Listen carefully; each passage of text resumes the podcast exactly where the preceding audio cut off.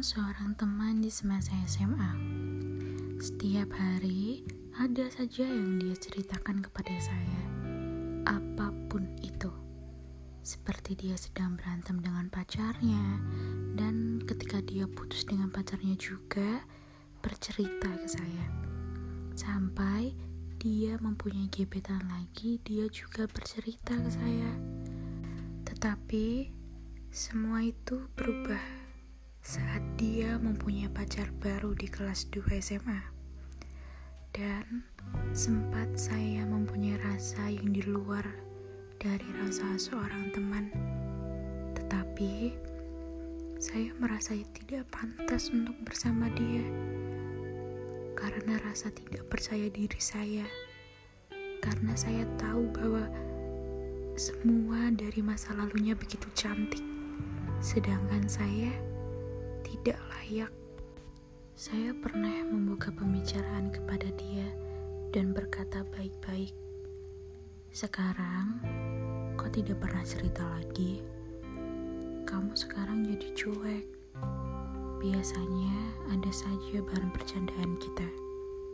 Dan dia membalas perkataan dengan sangat ketus dan membuat saya sedikit kecewa.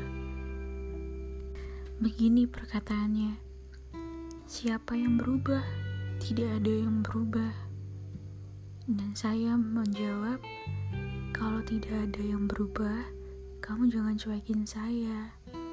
Dan dia membalas, kok kamu ngatur? Memang kamu siapa?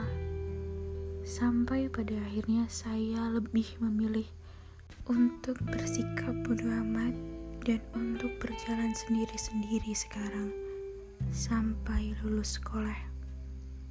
Sampai kuliah, kita tidak pernah saling bertukar kabar lagi. Dan belakangan ini, dia hadir lagi. Dia mencari saya dan membuka pembicaraan baru lagi setelah sekian lama. Dan membuat saya menaruh harapan lagi kepada dia. Dan anehnya, saya mulai sedikit terbuka dan memberi kesempatan itu kepada dia.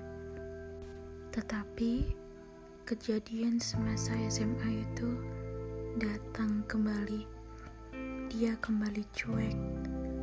Dari semua direct message dan chat saya hanya dibaca olehnya tanpa dibalas satu kata pun yang membuat begitu banyak pertanyaan untuk saya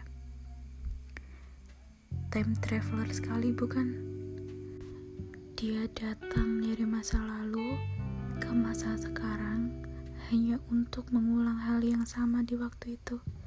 Saya sangat tidak percaya dan menganggap bahwa dia hanya sedang mencari teman lamanya.